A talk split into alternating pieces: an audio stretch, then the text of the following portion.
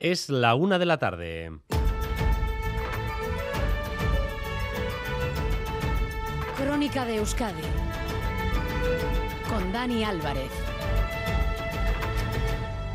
A Rachaldeón, la política de seguridad en las fronteras europeas se caracteriza por premiar el freno a la inmigración irregular. Lo hemos visto en Italia, donde el bloqueo a los barcos que rescatan migrantes es constante. Lo hemos visto en Grecia y en los países del este. Y poco a poco aparece luz sobre esto también aquí. La orden de un mando de la policía para otorgar días libres a cambio de detenciones no es nada distinto de lo que ocurre, por ejemplo, al otro lado de la muga.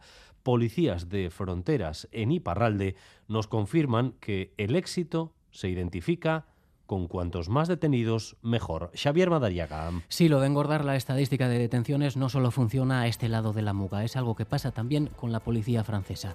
Nos lo confirma un ex policía de fronteras en Endaya, en la comisaría donde él trabajaba. Si una noche no rellenaban cinco formularios de detención, al día siguiente les llegaba la llamada del jefe preguntando qué estaba pasando. La política de cifras contra el migrante a la orden del día a uno y otro lado del Vidasoa. Enseguida os damos más detalles. En la semana de los policías, la Erchaincha parece que ve bajar las pulsaciones internas tras las movilizaciones y las acusaciones mutuas de declaración de guerra. Josué Ercoreca, desde el Parlamento, ha tendido la mano a retomar el diálogo con los sindicatos mayoritarios.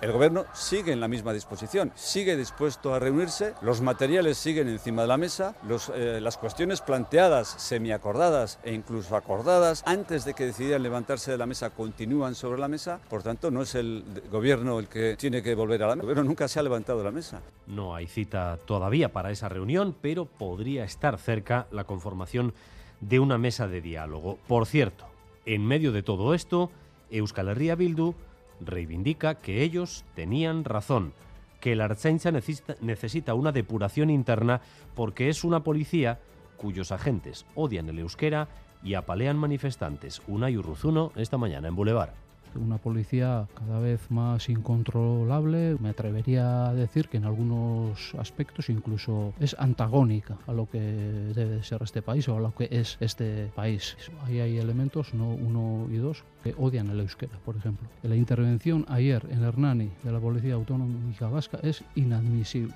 El Coreca actúa de una vez. Vamos a dar ese debate. Se ultima el acuerdo para la conformación de la plataforma Sumar. Las negociaciones van bien con todas las confluencias y lo más importante, con Unidas Podemos. Cerrado ese acuerdo, cuando se confirme, se empezará a hablar de las listas vascas. Madrid y Sarobaza.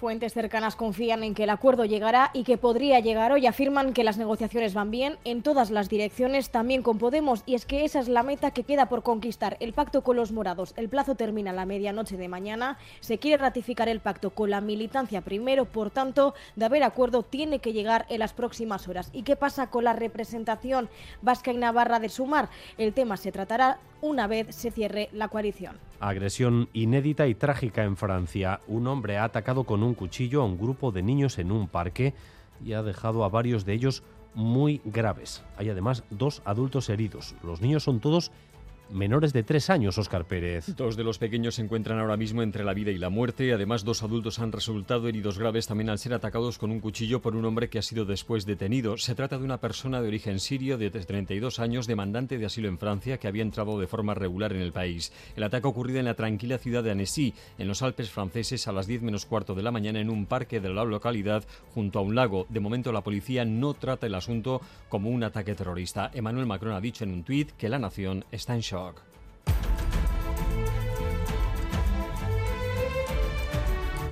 Estos días, con motivo de los exámenes de la EBAU, esos contenedores que son las redes sociales han acogido mensajes y vídeos de chavales jóvenes recomendando pastillas que mejoran la memoria y la concentración.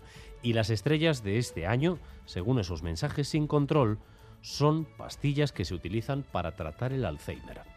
Bueno, como empieza ahora la época de exámenes, me han recomendado estas pastillas y pues voy a probarla y deciros qué tal me va. Tómalo diariamente y conseguirás muy buena memoria y concentración. Por recomendación que he leído varias veces por aquí, voy a empezar a tomarla. Te cuento lo de las pastillas, esta de la memoria. Ya la había escuchado, pero nunca me había puesto como... Tal es así que el Colegio de Neurología ha tenido que enviar una alerta desde Euskadi.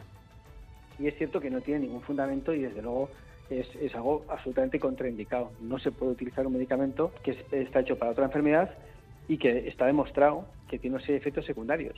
Es un riesgo alto y un beneficio nulo. Y, y sí nos consta que la Sociedad Española de Neurología probablemente es posible que puedan emitir algún comunicado. Y el Arriaga acoge hoy la lectura ininterrumpida de clásicos en euskera. La obra escogida para este año es Kristalezko Begibat de Mirena Gurmeave.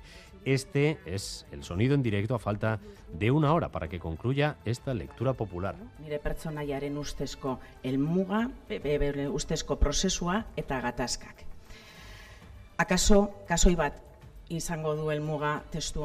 Más de 200 personas de la cultura, la política y la sociedad participan en esta lectura ininterrumpida en estos instantes.